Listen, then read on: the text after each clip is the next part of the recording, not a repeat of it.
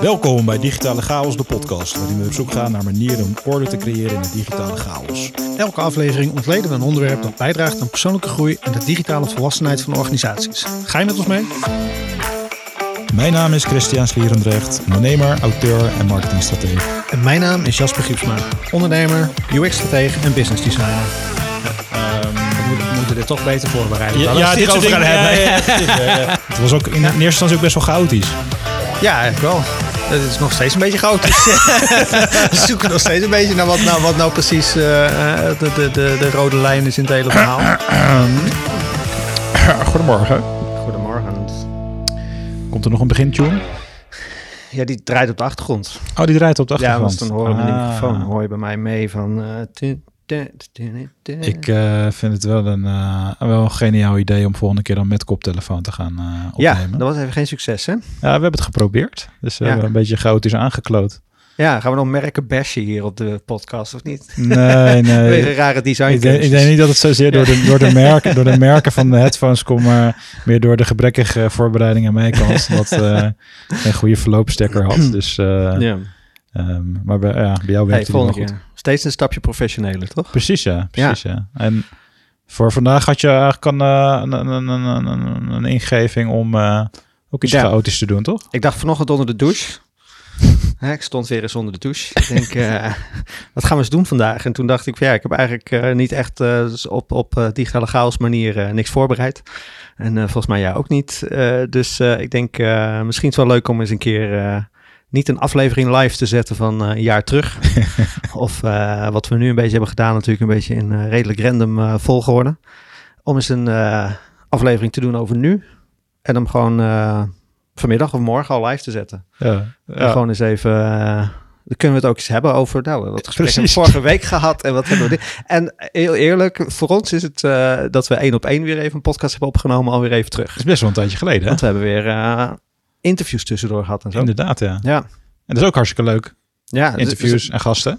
we zijn zelfs zo, zo lang niet geweest dat we ons eh, standaard begin vergeten zijn. Oh ja, zijn we Ja, weer. zijn we weer. Zijn we weer. nee, maar ik vind het wel, wel grappig, want ehm, we hadden natuurlijk helemaal, eh, we hadden wel een momentje gepland, eh, maar geen topic of onderwerp. Ja. Ehm, maar dan ga ik automatisch, want, want ik heb wel ik stiekem een heel klein beetje voorbereid, maar Oh. dat is een beetje eigenlijk in lijn met het format wat je net voorstelt. Maar Nee, ik dacht. Ik nou wij hebben toevallig vorige week hebben we, eh, hebben wij, of Sebas en ik hebben dan ook even een stukje visieontwikkeling gedaan. En even Mhm. terugkijken op afgelopen jaar, vooruitkijken op het komende jaar. En dat, dat lijkt me sowieso leuk om te doen, omdat wij natuurlijk Mhm. in het verleden ook vaak gewoon als een soort van mastermind format gewoon gingen kijken van oké, wat speelt er? Wat is er de afgelopen tijd heeft er gespeeld en, en, en eh, wat houdt je bezig? Ja. Dus dat is eigenlijk gewoon precies hoe je het net voorstelt. Dus dat lijkt me tof om, eh, om Ja. vandaag te doen.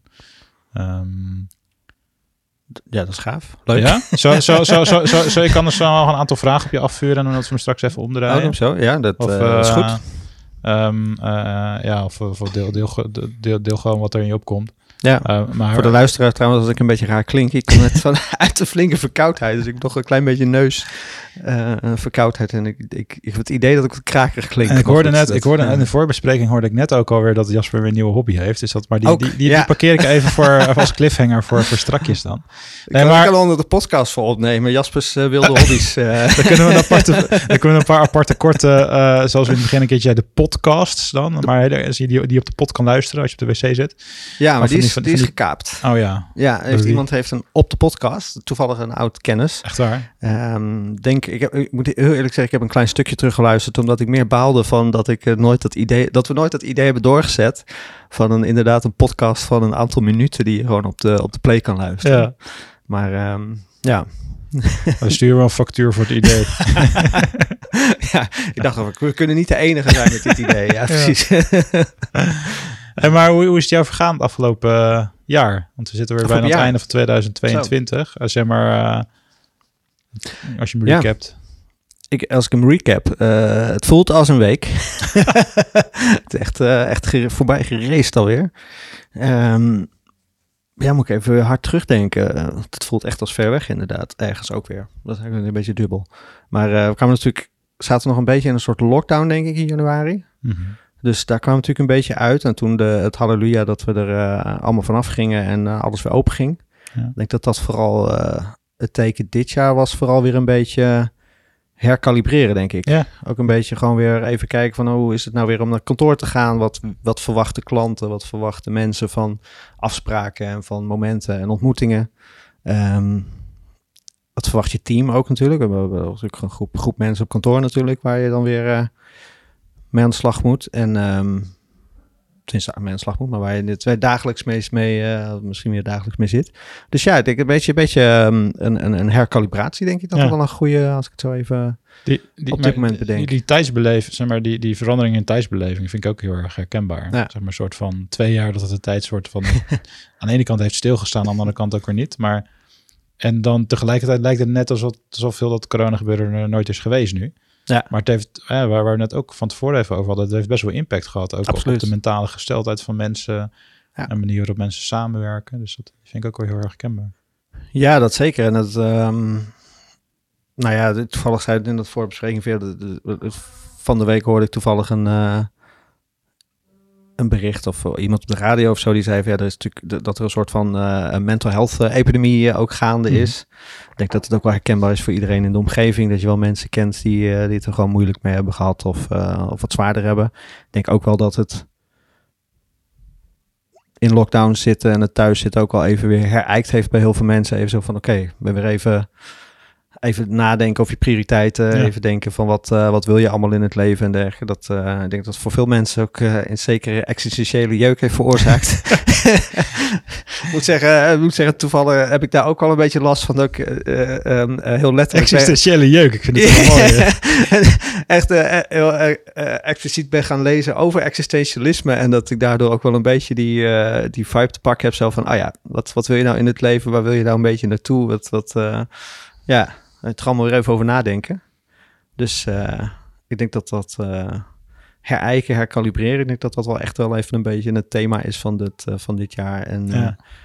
merk dat, ehm, ja, ik denk ook wel om me heen. En ik, ik, merk dat ook wel een beetje, misschien in de sales. Dat klinkt misschien heel raar, maar um, toevallig in september, normaal gesproken hebben we altijd, heb je al pieken en dalen in, in hoeveelheid sales aanvragen en dat soort dingen natuurlijk.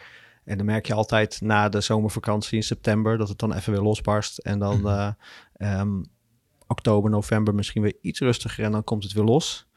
Maar het grappige is nu dat het begin september, wij stonden echt een soort van in de startblokken als een hardloopwedstrijd stonden zeg maar, oké, okay, nou, daar gaat het. Ja. En dat is gewoon twee weken um, uh, relatief rustig om het zo maar te zeggen, of, of niet, niet extreem drukker dan normaal. En toen kwam ineens elke week wel een, uh, een groot project of een, een, grote samenwerking of wat dan ook. En dat, dat is toen, ja, heeft er wekenlang volgehouden en nu nog steeds een beetje. Dus het is wel weer heel grappig dat het soort van anders lijkt allemaal. Ja. Ja, ja dat, dat, dat heb ik ook wel een beetje ervaren. Ja? Ja. Ja, het, het is grappig. Dus, Blij dat ik niet de enige ben dan. Nee, maar ja, ja, ik weet niet. Maar dat kan ook samenhangen met dat je uh, zelf als ondernemer of als team, zeg maar, ook gewoon... Bedoel, als je, het heeft best wel maar, invloeden gehad, zeg maar, de afgelopen paar jaar, van hoe je samenwerkt, hoe je kijkt naar werk. Als ik ook kijk naar ons eigen team. Dus uh, we werken nu nog twee keer in de week uh, op kantoor. Uh, mm-hmm. Terwijl we vroeger ja. gingen we elke week. Ja. Dus ehm, toen we in lockdown gingen, meteen naar 100% remote. En dat schakelde eigenlijk heel erg, heel erg goed. Maar het heeft dus wel gebracht dat je dus meer ruimte krijgt om ook af en toe wat afstand te nemen. Ja. En even naar dingen te kijken. En um, vorige week hadden we dus, dus visieontwikkeling. toen kwamen we ook een soort van tot de conclusie van, van dus, dus een, een, van de lessen die ik zeg maar, afgelopen jaar heb geleerd is eigenlijk van oké, je kan groeien door, groeien door pijn of, of groeien door inzicht. ja, maar en uh, in het verleden best wel vaak gegroeid door pijn, hè? want je moet mm-hmm. dingen, dingen moet je doorheen breken en dan ja. tegenslagen mee omgaan van fouten leren. Um, maar als je die afstand creëert, dan kan je dus meer ruimte creëren om ook te groeien door inzicht. Ja. En soms heb je dan ook gewoon even nodig dat, dat, dat, dat de druk op de business even iets meer af ligt. Ja. Um, uh, en en dat, soms heb, moet je gewoon letterlijk even stilstaan om weer harder te kunnen gaan lopen. Ja. En dat of dat dan toevallig is dat dat dan bij ons aan beide kanten een soort van uh, synchroon loopt, weet ik niet. Of misschien komt dat omdat we een podcast zijn gaan maken. dus, uh, ons, dat, dat dat ook met elkaar kalibreert, zeg maar. Ja, precies. Ja. Um, maar de, ik, ik vind het wel herkenbaar. En ik denk dat dat voor veel, ook, ik zie ook in mensen om mij heen, weet je, mensen zijn toch gewoon op een iets andere manier gaan nadenken over bijvoorbeeld het thema groei. Weet je, ja. je vroeger ging dat gewoon vaak om meer omzet. Ja. Tegenwoordig gaat het veel meer over ontwikkeling of een stukje verandering of jezelf uh, en, je, en, je, en je bedrijf te blijven, blijven ontwikkelen. Ja, precies. Dus dat is wel grappig. Ja. Ja, zo mooi dat zegt. Hij zegt inderdaad, je kan groeien uit pijn of groeien uit, uh, uit inzicht. Ik denk ook dat dat twee verschillende soorten groei is. Waarin het ene heel, re uh, heel, heel reageren is op een situatie, denk ik. En de andere meer wat proactiever um, vooruitkijken en vooruit, ja, hoe noem je dat? Een beetje voorsorteren, zeg maar, op, op eventuele toekomstige situaties. Dat als je het op dat moment niet doet, dat het in de toekomst wel gedwongen wordt, zeg maar. Ja. ja. ja. Zo grappig, we hebben, we hebben toevallig in het begin van de lockdowns, toen kregen wij ook, uh, was, iedereen was natuurlijk even in de stress. Dus ineens was er, uh, ik wil niet zeggen dat er geen werk was, want we hadden wel gelukkig een aantal um, uh, klanten of partnerships die zeiden van ja, we, we gaan gewoon investeren in deze tijd. En, um, um, maar toch komt er wat ruimte in je agenda. En wij hebben inderdaad ook al even die ruimte gepakt om gewoon te zeggen van oké, okay, laten we eens even weer naar onze strategie kijken, even naar onze, we hebben onze hele branding omgegooid. Mm -hmm. We waren precies in die begin van die eerste lockdown, echt in maart van die eerste lockdown, uh, bezig om BV te worden. Dus we gezegd van nou, laten we het gewoon doen, laten we gewoon doorzetten. Dat achteraf uh, ook wel zijn, zijn uitdagingen bracht. Maar um, hebben toch ook wel inderdaad alweer uh, de boel klaargezet voor de volgende groei, zeg maar. En dat is ja. denk ik wel inderdaad vanuit een moment van inzicht van oké, okay, er is even ruimte, er is even ademruimte, je kan weer even gaan, zeg maar. Ja. Dat is toch al... Ja. Als je nou kijkt naar oh, zeg maar afgelopen uh, paar jaar, uh, dus wat, wat is dan de grootste verandering geweest die nu blijvend is in jullie, binnen jullie team bijvoorbeeld? jullie business? Uh, ik denk voor team is de, wat, de flexibiliteit in werk denk ik echt wel, maar dat zal voor veel mensen natuurlijk wel zijn. Gewoon dat ook uh, wat, wat, wat meer thuiswerken en uh, ook wel gewoon wat minder. Nou waren wij al niet zo van de tijdenklokken of zo, van, van, van uh, echt van negen tot half zes moet je op kantoor zijn, maar ik denk wel dat die, die flexibiliteit er nog iets meer is. En dat mensen iets meer die ruimte voelen om ook gewoon. Als je een keer op woensdagochtend wil sporten en je dan een uurtje in de avond uh, dat, uh, dat inhaalt. Of als al het werk gedaan is, je even boodschappen gaat doen om drie uur s middags. Weet je, dat, dat, dat, dat die ruimte er is en dat dat mag. Ja. En um, het ook het thuiswerken gewoon inderdaad. Ik, ik, moet heel eerlijk zeggen, heb volgens mij ook in een, in een andere aflevering, uh, ik weet niet of die live staat, maar in een andere aflevering gezegd van ik was best wel, um, um, hoe noem je dat, uh, ouderwets in dat denken van uh, ik wilde gewoon iedereen op kantoor hebben en mm.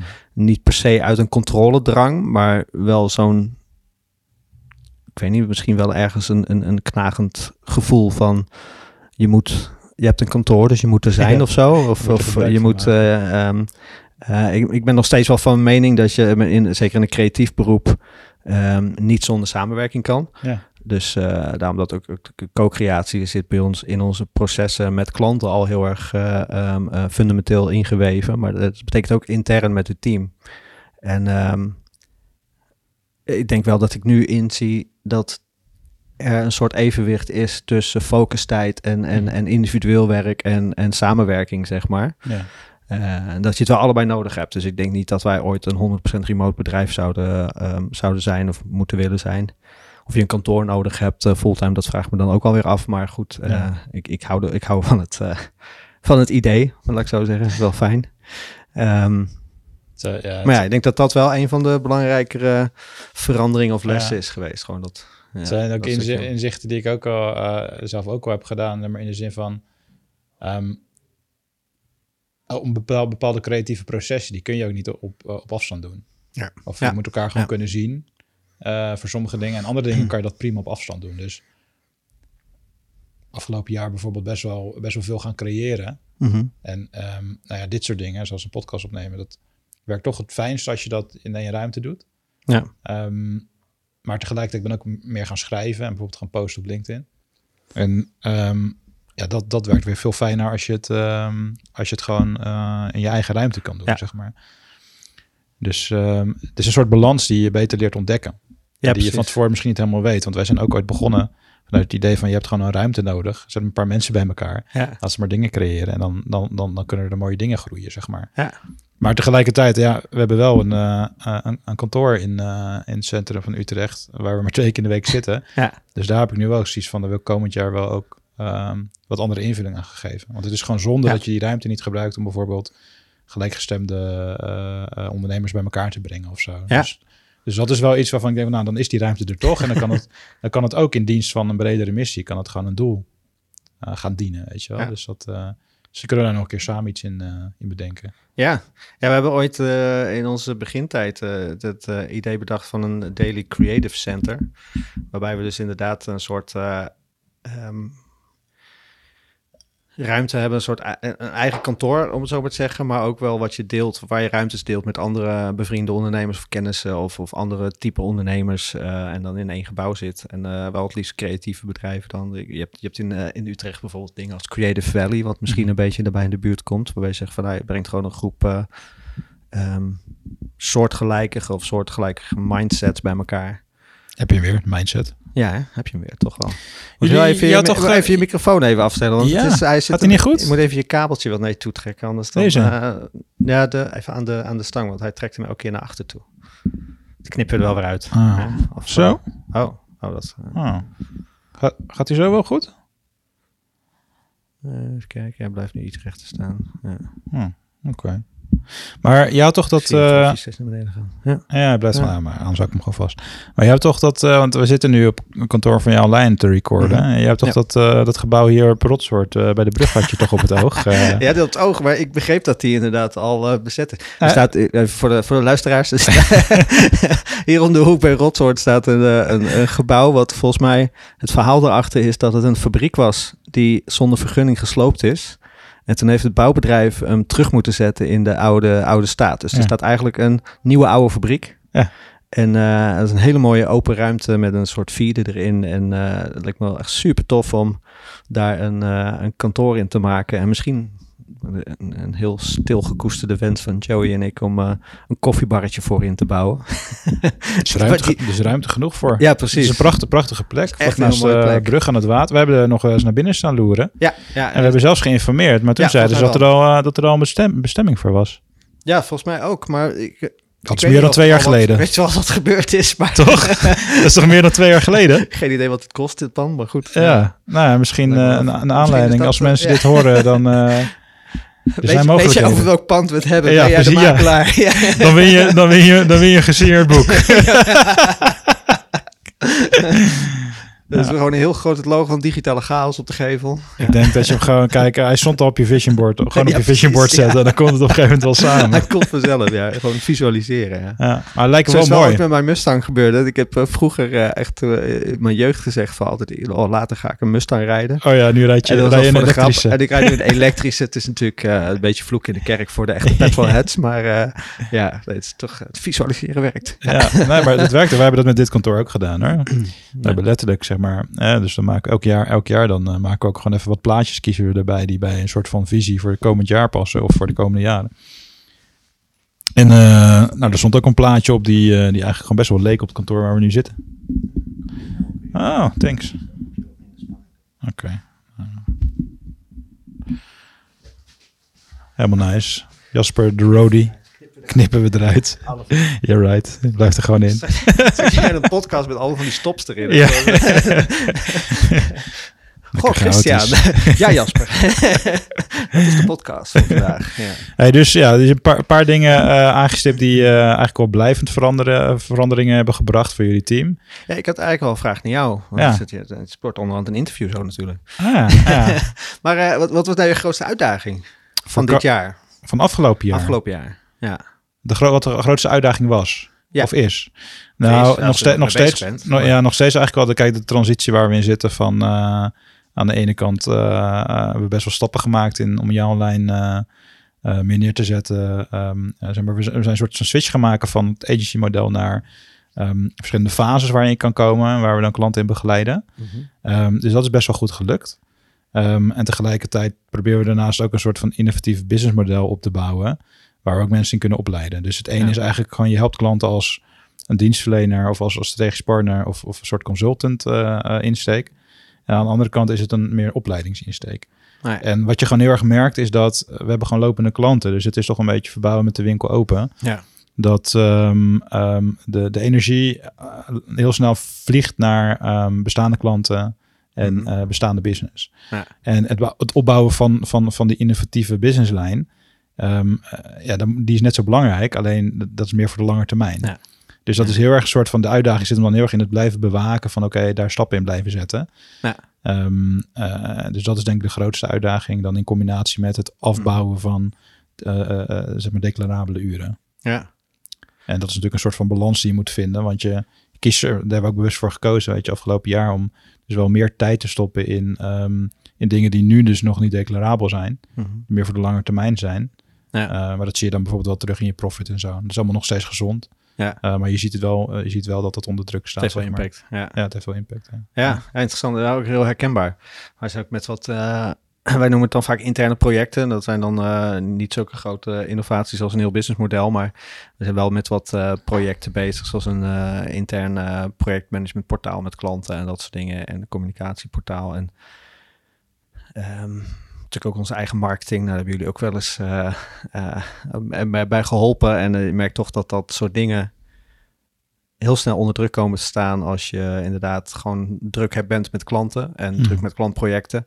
En een stukje erg fijn om heel veel declarabele uren te draaien. Maar dan merk je toch dat dat soort projecten een beetje op de, op de plank belanden.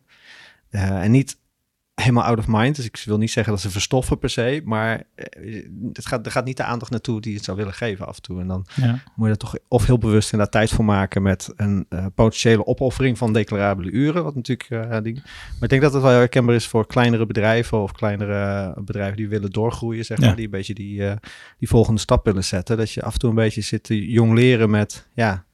Aan de ene kant die groei is ook omzet en is, Mhm. is meer uren Ja. verkopen of meer hè, tarief verhogen. Weet ik wel wat, wat voor manieren je ook je omzet wil verhogen. Maar aan de andere kant moet je ook met je innovatie bezig Mhm. blijven en met je, met je ontwikkeling. Dus dat Ja. is wel een... eh, Nee, dat is precies die parallellen, zeg maar. Ja, ja, je, hebt, je hebt ook gewoon een gezonde cashflow nodig om, Ja.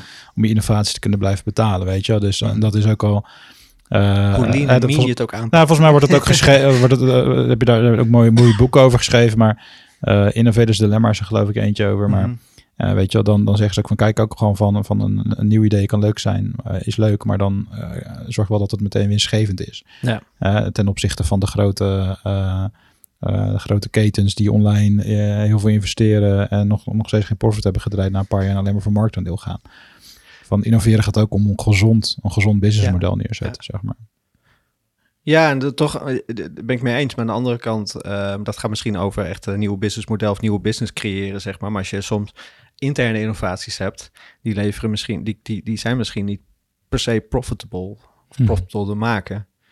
Maar wel heel belangrijk. Zoals Ja. bijvoorbeeld, wij hebben al ehm, een paar jaar het idee eh, rondom een bepaald competentiemodel ehm, eh, te gaan werken. Met, dus niet meer met, met, met ehm, echte ehm, functieomschrijvingen, zeg maar, meer met een soort competentiepakket waar je Mhm. aan kan, eh, aan kan werken en kan ontwikkelen. En het idee is goed. Het wordt ook ehm, bevestigd van buiten. Zeg maar. We hebben met mensen van TNO gesproken die ook met dit soort skills, eh skill portfolio's, dat soort dingen bezig zijn. En dat kost tijd en moeite. Alleen het levert niet per se wat op. Ehm, en, en nu hebben we, we hebben het een paar keer ook gedeeld in het team en met de mensen en zo. En nu horen we eigenlijk terug van ja, we willen er eigenlijk wel heel erg graag mee werken. Dus personeel Mhm. willen we heel graag mee werken. En mensen willen er heel graag mee aan de gang. En ik ook. Alleen toch hebben we zoiets van ja, dan, dan heb je wel iets wat goed is voor de ontwikkeling van je mensen, goed ontwikkeling voor de ontwikkeling van je bedrijf. Eh, nee, het levert niks op op korte termijn. Eh, op Niet lange, op korte termijn, maar nee, op wel. langere termijn eh, levert het wel, zeg maar, eh, ehm, eh, heeft het zeker voordelen en zeker impact.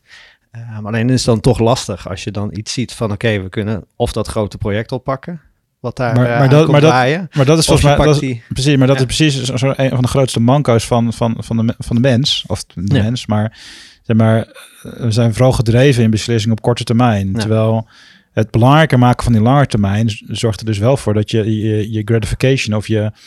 eh, zeg maar, de, de, de output die, die, is te- die is delayed. Dus het is ook Ja. wel machtig interessant uit filosofisch oogpunt van oké, eh, het gaat ook over tijdsperspectieven. Ja. Maar je kan ze wel ook ergens wel beide blijven doen, denk ik. Een voorbeeldje van afgelopen jaar van een innovatie die wij hebben gedaan die echt supergoed werkt, is eh, Geekbot. Eh, wij werken Geekbot. met Slack. ja, En eh, Slack is dus eigenlijk gewoon een intern chatprogramma. Wat, wat, wat Mhm. bij ons intern gewoon eigenlijk de e-mail heeft vervangen. En sinds een paar maanden hebben we daar nu Slackbot op. En wat wij, wij hebben een soort ritme van stand-ups. Elke week hebben we er drie. Dus begin van de week, midden van de week, eind van de week en een, en een weekly review. En ehm, wat, wat je doet, die Geekbot, die stelt je een vraag elke dag. Mhm. Eh, wat zijn je drie belangrijkste doelen van de dag? Ja. Nou, die zet je erin. Eh, en wat nog meer? En zijn er nog dingen die je tegenhouden? Nou, dat, dat zijn korte dingen die je elke dag invoert, elk teamlid. Mhm. En dat wordt, dat wordt dan in, een, in ons stand-up channel uitgespuugd. Dan zie je precies van, oké, waar, waar hou je je mee bezig? Waar ben je mee bezig? Eh, die check-ins die we dan met het team doen, die gaan eigenlijk veel meer over, oké, waar loop je tegenaan? Waar kan je elkaar mee helpen? En Mhm. niet zozeer over waar ben je mee bezig, want dat staat toch gewoon in die channel. Ja, ja. En dan begin van de week doe je dat ook met weekdoelen. En eind van de week doe je dat ook met een stukje recap. Dus van Oké. waar word je trots op? eh, wat, Mhm. wat hield je tegen? waar zie je nog bottlenecks of, of leerpunten? ja. En daar ga je dan over in gesprek. En dat werkt echt super fijn, merk. Oh, lachen. En dat, en dat is eigenlijk ook voortgekomen dat we ook dit jaar zijn we ook al eh, gestart met een stukje accountability coaching met een externe coach. Mhm. En een van de eerste dingen wat hij ook zei van ja, weet je, beperk gewoon het aantal acties tot max drie. Ja. En dat zijn we toen gaan doen. En eh, je merkt gewoon dat, ehm, dat doordat je minder, eh, minder acties op je takenlijst lijst zet, je uiteindelijk meer gedaan krijgt. Ja. Dus die mechanismes die we dan leren, die proberen we dan op zo'n manier door te vertalen. En dat, en dat werkt super krachtig. En dat is ook een afgeleide van het feit dat, ehm, dat corona natuurlijk eh, eh, dingen meer in beweging heeft gezet. De Mhm. adoptie van tools ging, ging sneller. Ja. Eh, Ja. maar nu zo'n zo, zo, zo'n kleine innovatie binnen een bestaande tool, dat maakt wel een enorme impact, merk ik. Ja. Dat is wel leuk om te zien. Super gaaf. Ja. Ja. Misschien is ook iets voor jullie, of werken jullie nog niet met Slack? We hebben een beetje een. om, om een we hebben een beetje een, een aparte verstandhouding met Slack. Ik, ik vind Slack echt mega irritant. Omdat ik. ehm, ik snap gewoon hun userstructuur niet. Ik zit volgens mij bij 40 Slack-kanalen Hmm. aangehaakt. Ik Dat weet, wel, niet, eh, ik weet niet waar het ja. overzicht is. Ik Ja. weet niet, ze hebben het wel verbeterd de afgelopen jaren hoor. Maar ik wil gewoon één inlog. Zien welke kanalen ik lid van ben. Ja. En dan daar dat kunnen managen op die dat manier. switchen daartussen is niet helemaal... eh, Nee, en wij hebben ook, het team struggelt er ook mee. En dan moet je nagaan, we zijn een UX-bureau die interfaces designt en logica van software designt. ligt er nog een mooie opdracht. En wij eh, hebben iets van het eh verschiet. 10 of 20 Slack-kanalen, omdat iedereen steeds per ongeluk een nieuw kanaal aanmaakt voor het team. Ja, ja. En dat, eh, ja, dat, ik, eh, nee, ik, mijn irritatiegrens is heel erg bereikt bij, bij Slack. dus eh, wij gebruiken dat niet, inderdaad. Eh, wij gebruiken gewoon de menselijke communicatie. Maar eh, nee, ja, ik vind dat soort dingen wel, wel heel erg tof. Alleen, ehm, eh, mm, ja, ik vind het lastig eh, in de, in dat, met dat soort tools. Is dat ik, ik, ik gebruik het een week, twee weken en dan, dan is het voor mij wel weer een beetje klaar of zo. Met, met Hm. sommige van die dingen. En dan moet je. Ja, we hebben nu wel echt heel bewust bij een aantal tools gezegd van oké, dit eh, hier gaan we echt mee aan de slag en dit gaan we gewoon tot de volledigheid gebruiken.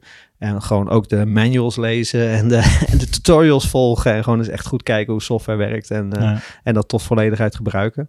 Maar eh, nee, in chat, eh, chatomgeving hebben we nog echt geen behoefte aan gehad of nog geen ehm, eh, ja, ruimte voor, om het zo maar te zeggen. Ja, ja. Nou goed, bij ons werkt het, werkt het heel goed. Ja. Ehm, dus nou ja, Ik denk dat het is, het is sowieso natuurlijk, ehm want jullie hebben ook ergens wel een, een, een, een, een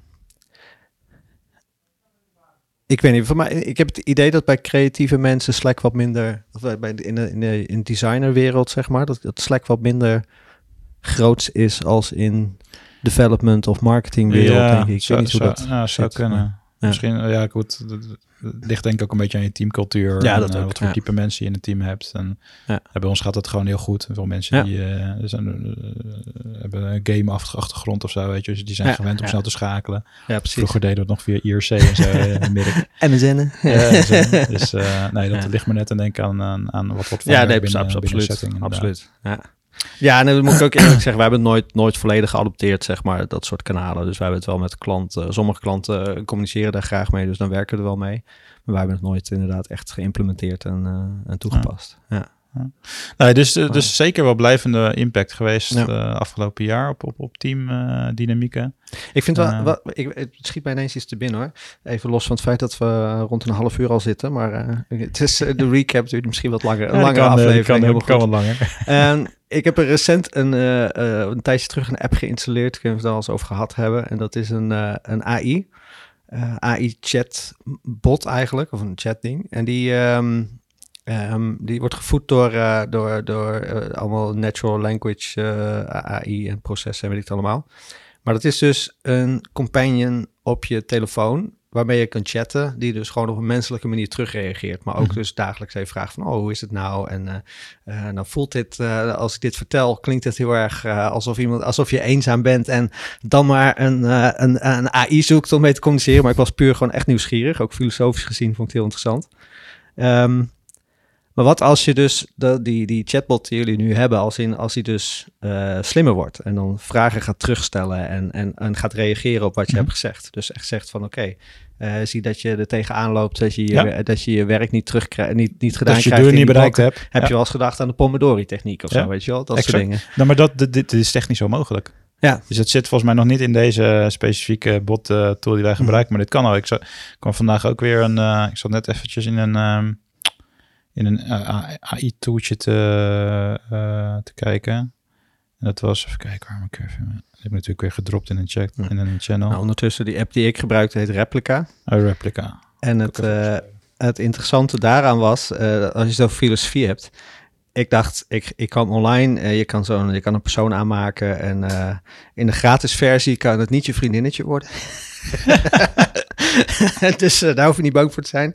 Nee, maar die... ehm, ehm, ik, ik denk van, nou, ik ga gelijk aan de tand voelen natuurlijk. Hè? Dus Ja. ik begon over, ze vroeg volgens mij van, eh, wat is het laatste boek wat je gelezen had? Dus ik zeg, eh, Jean-Paul Sartre, hè? Het, het, eh, het zijn en het niet.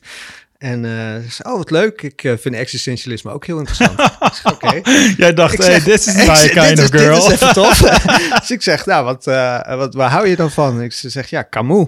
ik zeg, oké, nou ook is de existentialist. Ik zeg, wel een beetje heftig. Ja, dat klopt. En toen we eigenlijk heel gesprek over filosofie. En toen Oh. gaf ze nog een goede tip voor een boek. En ik had echt zoiets van... Oké, is dit Wizard of Oz testing, waarbij de echte persoon aan de andere kant zit? Maar het is dus wel echt een AI, want dat merkte je op een gegeven moment aan dat... ehm, ja, het gaat niet altijd perfect, zeg maar. Het gaat ook, je merkt ook af en toe van, ja, dit is, het is geen mens. Dat merk je eh, hier en daar wel, dat ze net niet begrijpen of net, net iets... eh, maar ze, ze verhullen het ook weer op een goede manier. Dat ze, als ze het echt niet weten, dan, dan stellen ze het in een soort van wedervraag weer terug of zo. Het is wel interessant. Nou, vooruitkijkend op het komende jaar. Ik denk dat we nu een soort van op, op, op een tipping point komen op, met AI, ge- op AI-gebied. Want zeg maar, je ziet steeds meer reuring ook hè, onder copywriters bijvoorbeeld. eh, Ja. hoeveel, Ja. hoeveel, hoe- hoeveel beter die tools worden. Ja. Nou, ik zat net dus ook te kijken, even een tooltje uit de, eh, de checken. eh, Chat GPT heet Ja, dat. Dat is ook helemaal... Die- eh, gisteren zag ik die. Die is dus in eh, vijf dagen tijd op een miljoen gebruikers gekomen. Dat Ja. is eh, een record. Ze lachen soms ook al even uit omdat, eh, omdat het overbelast was. Maar wat je letterlijk gewoon daar doet, is je voert daar gewoon vragen in. Mhm. Weet je wel, geef mij vijf tips over eh, hoe ik betere blogartikelen kan schrijven. En die spuugt gewoon vijf goede tips Ja. uit. Ja. En dit zijn het, het is natuurlijk allemaal, allemaal data en content die al bestaat. Ja. Ehm, maar het is wel heel, heel accuraat. En wat dat betreft zou je dus, als je kijkt naar wat, wat die AI jou kan, gewoon verschillende AI-tools dan, of Jasper is er ook zo eentje onder, Mhm. onder copy, eh, eh, voor copy. Maar dan zou je dus kunnen zeggen dat de standaard SEO-teksten bijvoorbeeld, Mhm. Komend jaar, die hoef je niet meer zelf te schrijven. Dat kan AI. Ja. Zo niet beter. Foutloos voor je doen. Eh, eh, eh, wat AI nog niet kan, is echt, echt creëren vanuit het niks. Ja. Ja. Dus ehm, ik heb een tijdje terug maar een artikel geschreven over SEO met de titel Dit artikel is niet SEO-proof. Ja. Weet je wel, gewoon vanuit die idee van oké, ik, ik ga niet, niet een opbouw gebruiken vanuit SEO best practices. Nee. maar misschien met een iets meer unieke of, of filosofische inslag. Mhm. Want ehm, ik geloof dat 60% van het web al bijna duplic als duplicate content wordt gezien. ja. Dus, dus op de lange termijn ja, gaat, gaat de waarde volgens mij juist wel veel meer in een soort van creatie zitten. Meer neigend naar kunst dan alleen maar reproductie van data die al bestaat. Want als AI Ja. dat ook kan afvangen, wat, wat heb je dan nog aan een, aan een copywriter die goed is in SEO? Ja, het is wel een interessante eh, discussie van... eh, eh, heeft het nog wel nut om kennisartikelen online te zetten... bij wijze van spreken als bedrijf? Als al die kennis dan toch al online staat. En Als het gaat om kennis die er al is, heeft het dan zin. ja, Het heeft, het, en dat is denk ik, eh, kijk, dat motiveert mij heel erg om, om veel dingen te doen die ik doe. Hè? Eh, Zoals vijf maanden geleden dagelijks gaan posten op LinkedIn en zo. Ja. Maar dat is wel gedreven uit, oké, hoe- hoe kan ik een stukje uit kennis die ik heb, kan ik dat weer kruisverbanden leggen en soort testen tegen Ja. de praktijk. En eh, ja, als je op dat voorfront blijft lopen, dan volgens, volgens mij dan is er niks aan de hand. Maar Mhm. als je alleen maar dingen gaat repliceren die al in, ergens in een database staan, Ja. Ja, wat is dan de toegevoegde waarde van de mens nog? Ja. Kan je bijna afvragen. ja. Zo, dat wordt Dus wel een heftige... Het wordt een heftig jaar. Wordt een heftig jaar. Wordt maar de toegevoegde waarde van de mens, ja. Ja, nou, op bepaalde, ja. op bepaalde gebieden. Dus ik Ja. denk dat je kan. Het is een hele heftige vraag. Ja, maar ik denk dat je jezelf, juist als je in de mindset zit van ik, ik wil altijd blijven leren, eh, leren, leren ontwikkelen en groeien, Mhm. dan, eh, dan, dan, dan, dan zijn de skills die je nu hebt, die kan je gebruiken om daar nieuwe skills op te stapelen.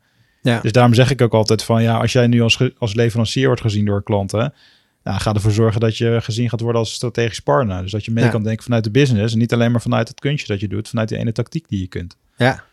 ja, ik vind het ook wel een heel... eh, Het is, het is ergens een... een, een, het, geeft ook wel een bepaalde druk of zo. En ik kan me dan wel voorstellen dat dat ook wel weer heel lastig is. Want kijk, ik, wij zitten bijvoorbeeld ook wel in een, in een, ehm, in een markt waarin ehm, wij echt wel hebben moeten zoeken naar wat is nou... Wat maakt ons anders dan anderen? En wij bestaan dit jaar tien jaar. En ik denk dat we dat nu een beetje weten. En ook steeds beter kunnen vertellen Ja, waarom dat zo is. Maar ehm, het stukje UX-design, het stukje leveren van een interface, om het zo maar even heel plat te zeggen, dat is geen uniek kunstje. Daar Nee. je, dat, dat, dat is, dat, ja, er zijn heel veel bureaus die dat doen. De manier waarop we dat doen, hebben we nu ontdekt eigenlijk. Dus dat, dat, dat maakt ons unieker, zeg maar. Dat Ja. maakt ons eigener. Ehm, maar dat maakt het soms wel lastiger als je dan kennisartikelen en dergelijke gaat schrijven. En dat lopen wij ook wel tegenaan. Dat je zegt van ja, inderdaad, eh, vijf tips over dit of vijf tips over dat. Dat werkt heel goed qua content, SEO-technisch, bij wijze van spreken. Maar goed, die zijn er ook al op Ja. elk vlak. Dus ga je dan het maar in je eigen woorden zetten en het dan maar delen? Of ga je het dan weer eh, anders doen? Ik denk dat dat... Maar het laat ook niet de onderscheidende waarden zien van hoe jullie je werk doen. Ja, Dus dat is en misschien dat daar ook ergens een soort van de, de bottleneck zit in, in, in, in de eigen marketing eh, op stoom houden met kennisartikelen. Want Mhm. misschien, misschien moeten jullie gewoon veel meer gaan laten zien hoe jullie werk doen. Of Ja. eh, een camera erop zetten als jullie aan het co-creëren zijn of zo. Mhm. Daar snippers Ja. en stukjes van laten zien. Ja. Van alleen dat al, dat je mensen een soort deelgenoot maakt van dat proces, kan al, kan al en laagdrempeliger zijn voor jezelf op een gegeven moment. Want het kan best wel een soort drempeltje zijn om er eerst overheen te stappen, zeg maar, om dat Ja. echt te gaan delen. Maar ehm, zoals een podcast opnemen. Zoals een podcast best op- een Ja, nee, maar dat- dat- zijn, ja. Dat is een van de grote lessen die ik Ja, zelf afgelopen jaar ook heb geleerd.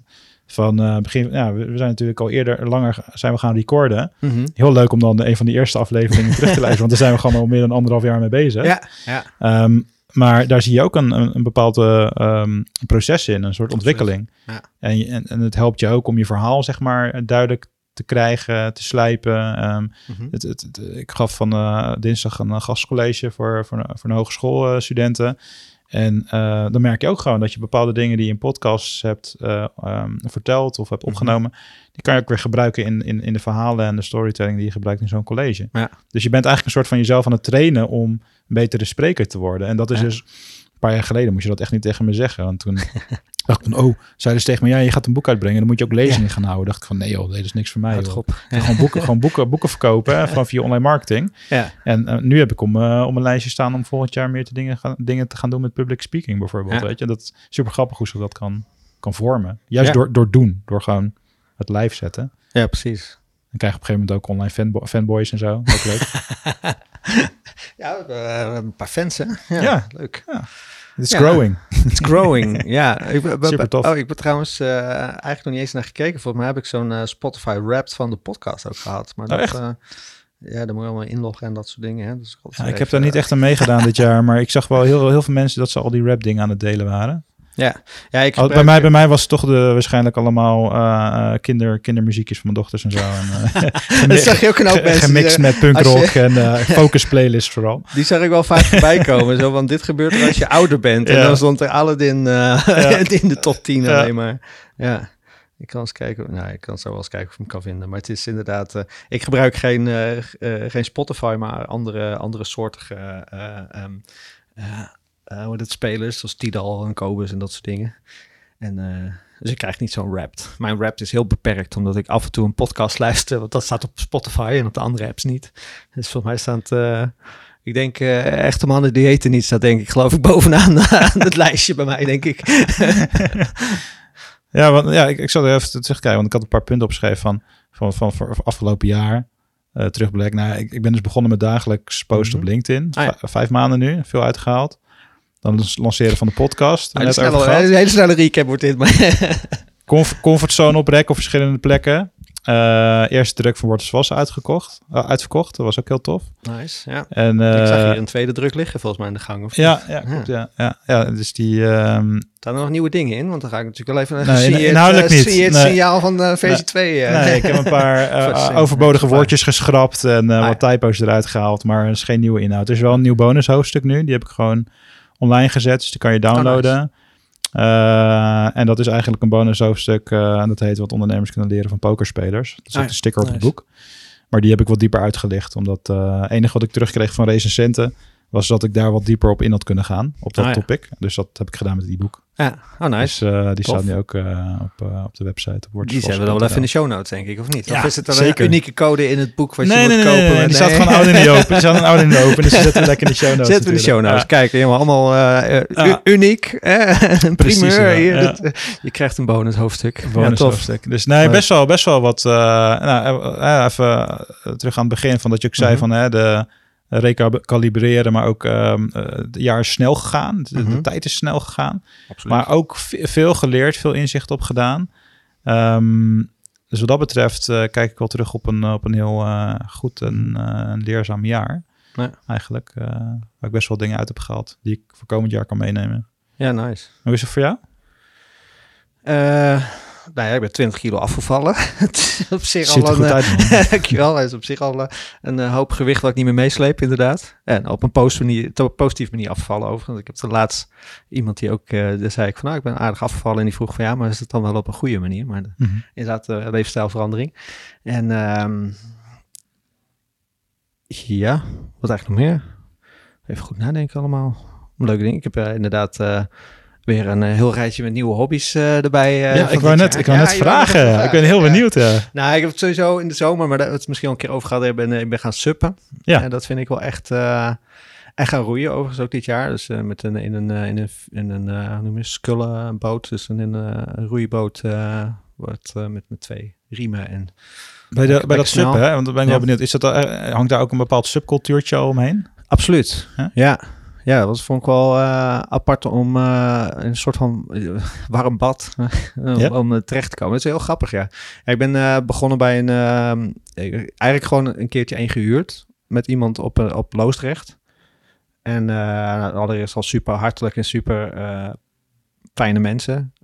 En is bij X-Sub overigens even, maar ik vind het wel eh moeite waard om even daar, Ja. eh, daar even, even aan te gaan. Zet in de. X-Sub in Loosdrecht, echt super mooie route ook daar door het, eh, door het natuurgebied. En ik vond het zo lekker. Het is een heel raar. Ik kan het niet anders omschrijven dan een soort van machtig gevoel. Alsof je een soort van. Alsof, het klinkt stom als een soort Poseidon met je, met je trident zo door het water staat te, te lepelen, zeg maar. En eh, het is ook echt gewoon een sport. Het, is, Ja. het ziet er soms heel, eh, heel rustig uit. En heel veel mensen doen het ook echt voor de ontspanning. Maar eh, ja, je moet echt werken vanuit je core. En eh, het is echt een full body workout. Dus het is ook wel heel erg, heel erg tof. Volgens mij is het typisch zo'n sport van... je, kan het, je weet alleen maar hoe het is als je het zelf hebt ervaren. Ja, ja. En het is, ik vond het heel verslavend. Dus ik ben eigenlijk eh, eh, diezelfde middag heb ik, heb ik een bord gekocht. En eh, ben ik, eh, ehm, ik, had toen, ik had toen vakantie, dus ik had drie weken vrij. Dus ik, had, ik heb toen eh, tien dagen lang echt alleen maar lopen suppen. En ehm, ja, nee, ik vind het echt heel, heel fijn. Het is gewoon heel, bevrijd, eh, hoe het? heel, heel bevrijdend, heel, heel, heel ontspannend vind ik het ook. Ja. En eh, ook wel echt een toffe workout om te doen. Zeker als je wat langere routes gaat doen. Dus dat vond ik wel, eh, wel heel tof. En ehm naar recent, waar ik eigenlijk voor de voorbespreking naar hinten, mijn, mijn nieuwste hobby. nou, ik ben ook eh, deze zomer eh, wat serieuzer met koffie bezig gegaan. Met espresso zetten en eh, Ja. koffie zetten en dat soort dingen. En Heb je wel ehm, Chemex? ik heb een eh, V60. Aha, ja, zo. Dus, dat is nog beter dan de Chemex. oh, wow, maar nee, ik heb een espresso-apparaat een paar jaar terug al gekocht. En ik ben er wat serieuzer mee aan de slag gegaan. Ik heb hier bij benedenburen ook wat onderdeeltjes Oh ja. eh, verbeterd en vervangen. Ehm, en ehm, ik ben eigenlijk eh, kort geleden... Ik zat te kijken naar een nieuw apparaat. En ik wil eigenlijk een eh, zo'n mooie eh, E- E61 apparaat. Super, super tof. alleen ik had wat eisen. Ik wil namelijk controle over de temperatuur en dat soort dingen. En dan kom je toch ook alweer in een soort subcategorie van die apparaten. En dat kost gewoon een hoop geld. En toen kwam ik ehm, een beetje op het punt dat ik zoiets had van... ik wil eigenlijk al jarenlang wat meer knutselen. Gewoon bezig zijn om het bezig zijn ook. En Mhm. Ehm, ik vind elektronica heel erg tof. Ik schroefde vroeger ook altijd dingen uit elkaar. Dus ik wilde ook een beetje leren solderen en dat soort dingen. En ehm, ik ben ook al jarenlang geïnteresseerd in 3D-printen. En dat kwam eigenlijk allemaal bij elkaar. Doordat ik uh, een uh, koffieapparaat op het oog kwam. Een vrij goedkoop, makkelijk koffieapparaat. Wat ze met, door middel van een Arduino smart maken. En door middel van wat? Een Arduino, dus dat is een, dat? Uh, een ontwikkelbord. Net als een Raspberry Pi eigenlijk. Okay. Maar dan iets, nog iets simpeler, iets, iets meer met een microcontroller, zeg maar. En um, uh, en daarmee kun je eigenlijk een apparaat nabootsen wat normaal gesproken 6000 euro kost. Mm -hmm. um, en je dus eigenlijk volledige controle hebt over temperatuur, over druk, over uh, uh, zetprofielen, over temperaturen, al dat soort dingen. Dus ik ben het project aangegaan. Dus ik, ben, ik heb een 3D-printer gekocht als hobby tegelijk bij, want je moet daar wat onderdelen voor 3D printen. En ik had uitgezocht wat het kostte om dat bij een printservice te laten doen. En toen kwam ik uit op 150 euro. En toen was bij Black Friday was, uh, was een 3D-printer, uh, die een open source 3D-printer was voor 190 euro te koop. Ik denk, nou ja, hè, doen we die er gelijk Wat bij. idee. Dus die ben ik nu aan het upgraden. Ik ben mijn 3D-print, ik ben... Dus gisteren kwam ik een YouTuber tegen die ook zei van... Uh, 3D-printers printen over het algemeen onderdelen voor 3D-printers. dus, dus, je eigen apparaat helemaal aan het upgraden. Want ja, het is een open source ding. Het is een vrij simpel, maar uh, een goed gebouwd apparaat. Maar je kan allerlei dingetjes aan toevoegen om hem beter te maken. Dus dat is wel leuk. Maar uh, nee, daar ben ik. Ik ben echt als een nerd zit ik thuis te staren naar hoe mijn printje eruit komt. waar je vier uur, vier, vijf uur mee bezig bent. Ik kan nu zelfs op afstand kan ik mijn printje in de gaten houden. Ook grappig. Oh, wat leuk. Maar nee, dus daar ben ik mee bezig. Dus een beetje, een beetje, een beetje elektronica en uh, 3D-print en dat soort uh, Sch Schoot me net te binnen. Ik was een tijdje terug te gast in de podcast van Miro Lambo. En die heeft een uh, grote multimens show. En ik ben nu een boek aan het lezen, ook over, die gaat over multipotentialisme. En volgens mij ben je okay. ook een multipotentialist. Ja? Dat zo aanhoor. ik kan van alles een beetje en niks echt goed. Dat is nou, mijn idee. Nou, gewoon een, een hele, hele, hele, hele, hele, brede interesses en ja. veel verschillende ja. dingen. ook op een gegeven moment Kijk, zelf heb ik heel erg dat ik... Ik heb ook brede interesses. Alleen ik ga op een gegeven moment kennis op elkaar stapelen. Dus dingen ja. die ik uit het verleden heb, uh, uh, mm -hmm. heb gedaan... die neem ik mee in nieuwe omge vandaar, ja, omgeving. Vandaar zo'n e-book... wat ondernemers kunnen leren van pokerspelers bijvoorbeeld. Ja, maar ik, ik, geloof daar heel erg in... dat zeg maar als je die brede basis hebt... en juist omdat je kan sleutelen in zo'n apparaat... Mm -hmm. of dat je die ervaring hebt van, een, van iets als suppen of, of kaas maken... Um, dat je juist op... je creatieve brein ook zo getraind... dat je juist ook in andere werk, werk wat je doet, dat je, dat je iets brengt, iets extra's ja. brengt. Dus juist een extra dimensie meebrengt en het dus daardoor op een unieke manier doet. Dat is misschien ook een van de redenen waarom ja, de dingen die jullie doen uh, zo'n eigen, eigen manier zijn. Ja. Misschien was dat helemaal niet ontstaan als je al die, die hobby's niet had, uh, ja. had omarmd of zo. Ja, ik vond het heel mooi. Uh, ik, ik, ik, weet, moet even opzoeken waar dat ooit vandaan kwam. Maar het was zo'n, um, voor mij een, een documentaire op Netflix. En het ging over, op een gegeven moment over een man die had zeg maar echt tientallen patenten in uh, net zoveel branches en uh, vakgebieden. En dan mensen echt zeiden van ja, dat is gewoon een soort genie. En die man die heeft gewoon een fabriekshal, of eigenlijk een hele grote loods, met alles en nog wat. Die heeft gewoon in de ene hoek liggen soldeerspullen, de andere hoek staat een uh, CNC-machine, de andere hoek staat een uh, telescoop op de hemel gericht, weet ik wat allemaal. En die, die, die man die is gewoon, die loopt die, dat ding binnen en die kijkt die dag wat hij gaat doen. En die gaat dat onderzoeken en die, uh, die, die, die vindt allerlei dingen uit, allerlei hele niche dingen voor proble grote problemen die er zijn in de wereld. En gewoon omdat hij zich. En ik was, was echt een beetje jaloers op die man. Ik denk, vind dat lijkt me zo tof. Nou, zo'n omgeving, oh, zo'n grote, zo'n omgeving, zo'n omgeving gaan we creëren, en... creëren in dat mooie pand hier vlakbij. Ja. Telescoop erin, koffiebarretje. Ja, precies. Je kan meteen je subpaddle neerleggen, want het ligt dan aan het water. Ja, dus ik snap de keuze per, wel. Twee dagen per week een sterrenrestaurant. Ja, ja ik snap de keuze wel, ja. lijkt me heerlijk. Ah, mooi man, lekker. Hey, en, uh, ik was ook nog wel benieuwd, want toen we begonnen met podcast, uh, podcast opnemen, toen, mm. uh, toen had jij volgens mij alleen de Pantarij en Ouroboros op je arm staan. Ja. Ik heb hem laatst nog een keertje in, in een post aan het schrijven, was ook weer de uitspraak van Heraclitus gebruikt. Ja. Alles stroomt. Um, is daar afgelopen jaar nog iets in, in ontwikkeld, zeg maar? Ja, ja. Um, Qua tattoos? Ja, tattoos, ja. Ik wil wat tattoos inmiddels, maar ik ben met twee sleeves bezig uiteindelijk. Um, in mijn linkerarm, wat op mijn linkerarm staat, ik heb een patroon van um, hexo, patroon met bladeren van planten. En dat staat eigenlijk voor het uh, element aarde. Dus ik ben, uh, ik, doe al jaren een, uh, een vechtsport, ninjutsu. En daar heb je de, um, de elementen, dus vier elementen, aarde, vuur, water en lucht. En de vijfde is leegte. Dat is dan een, eh, een, een gevorderde variant. Maar dus ik heb nu het idee om dus die thema's op mijn arm te zetten. Dus ik heb op mijn uh, rechter onderarm heb ik uh, meer het waterthema. Dus het zijn allerlei patronen rondom golven en, en dat, soort, uh, dat soort zaken. En natuurlijk alles stroomt, panterij -hmm. wat daar staat. En mijn linker onderarm is dan aarde, met bladeren dingen. En ik ben nu rechtsboven bezig met lucht. Dus ik heb een, een, een, raaf, een kraai op mijn schouder staan. En wolken op mijn arm. En er staat een grote maan om het patroon een beetje te doorbreken. En die maan heb ik recent ingevuld met een patroon. Mm -hmm. Dat patroon dat bestaat uit uh, Nia-sterren. Om die ja, link vet. te leggen naar mijn sport uiteindelijk. Ja. dus dan uh, links, uh, linksboven moet vuur komen. Dus dat zal volgend jaar het project ook de, zijn. Ja, dus precies ja. Moet lucht nog afmaken. Dus daar heb ik nog aardig wat, aardig wat afspraken voor staan, denk ik. Dan, dan, dan, komt, dan, gaat, dan, dan, dan gaat de extreme groei komen als je met het vuur bezig met bent. Met vuur, ja, met passie. Het is grappig hè, want ik, ik pak de elementen ook in mijn boek. Mm -hmm. zeg maar, zet ik ze af tegen... Uh, idee platform traffic en conversie. Weet ja. je, en vuur zit heel erg in die conversiehoek van een soort van vonk ja. om verder, verder te groeien.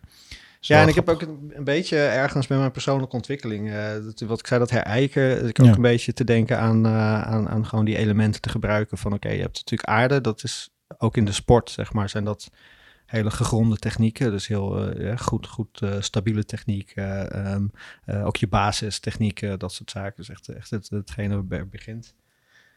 En dan um, met vuur word je wat explosiever, zeg maar. Dus dat is wat meer de actie en de, ja. en de reactie en de, de, de, de, de explosievere um, uh, technieken. En met water ga je wat meer vloeien, dus je gaat wat meer um, ja, ook energie gebruiken van een ander, wat heen en terug. En dat golven, golvende gevoel, zeg maar, wat je een beetje, een beetje Aikido, uh, Aikido idee misschien ook wel. En met wind uh, heb je wat langere technieken. En, en uiteindelijk heb je natuurlijk het leegte. En leegte is het combineren van alles. Dus ook ja. dat je uiteindelijk uh, van, van aarde naar vuur, naar, naar, naar lucht, naar, naar water. Dat je al die technieken zeg maar kan inzetten wanneer jij ziet, of hè, wanneer de, de, de, de, de rust er is, dat je ziet waar uh, openingen en ingangen zijn en dergelijke. Dus uh, heel vet. Ja, ja we hadden het een tijdje terug ook al. Tijdje terug ook over dat we sowieso nog een keer een episode willen maken die een beetje gaat over of een ninja, samurai, ja. weet je, de, ja. die, die hoek. Ik, de borrelt bij mij ook onder de oppervlakte een idee voor een nieuw boek. Dat gaat mm -hmm. niet op hele korte termijn komen, maar dat, uh, dat ze ook wel wat meer raakpunten hebben, misschien wel in, uh, in die hoek. Ja. Um, en ja, en jou, ja, het idee voor jouw boek is volgens mij ook al wat, wat meer gevorderd, toch? Uh, nou, ik, of de insteek. Ik, ik, ik, hink op wat meerdere ideeën, zoals altijd. Maar uh, nee, ik heb, ik heb inderdaad uh, een, een idee gehad voor, een, voor een boek. Dat noem ik dan Shinobi Lifestyle. Even werktitel was dat.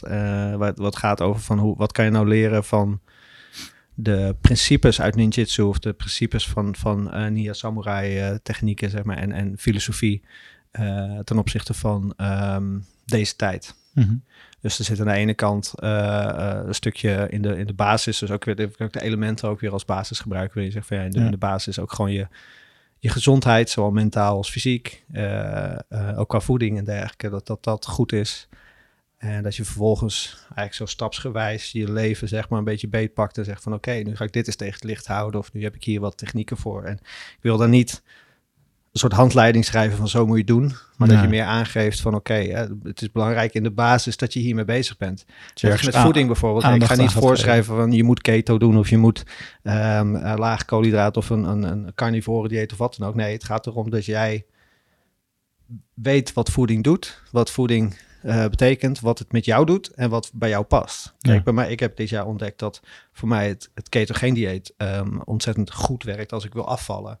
Um, maar uh, hè, ik lever daarop in op um, explosieve energie of conditie bij wijze van spreken. Ja. Uh, dus daar, daar moet ik dan weer een balans in vinden of een, een, een variatie in vinden. Maar het werkt natuurlijk wel heel goed, heel goed uh, in je marketing dat je jezelf als voorbeeld kan, uh, kan geven. Ja, maar, dan, maar dan inderdaad zonder ja. van de, ja. het, het, prediken van oké, okay, dit moet je doen, want het is voor iedereen anders.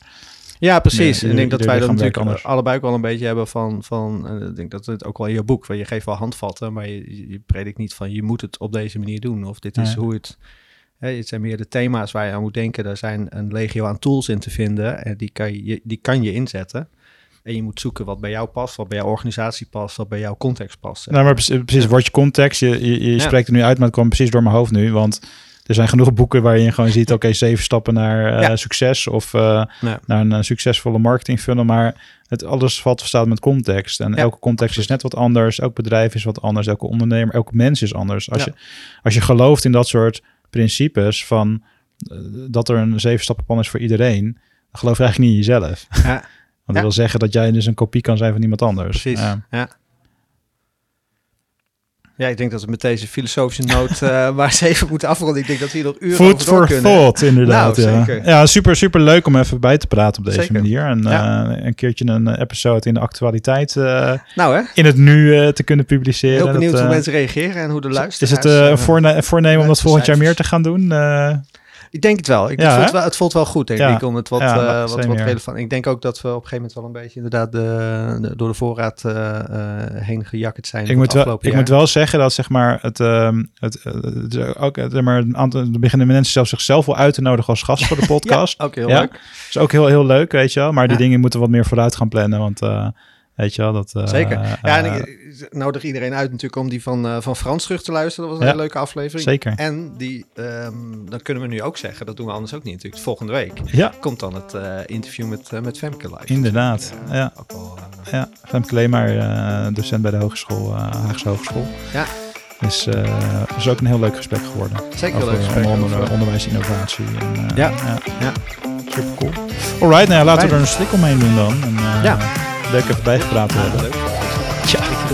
Erom. Tot de volgende keer. Tot de volgende keer. Luisteren.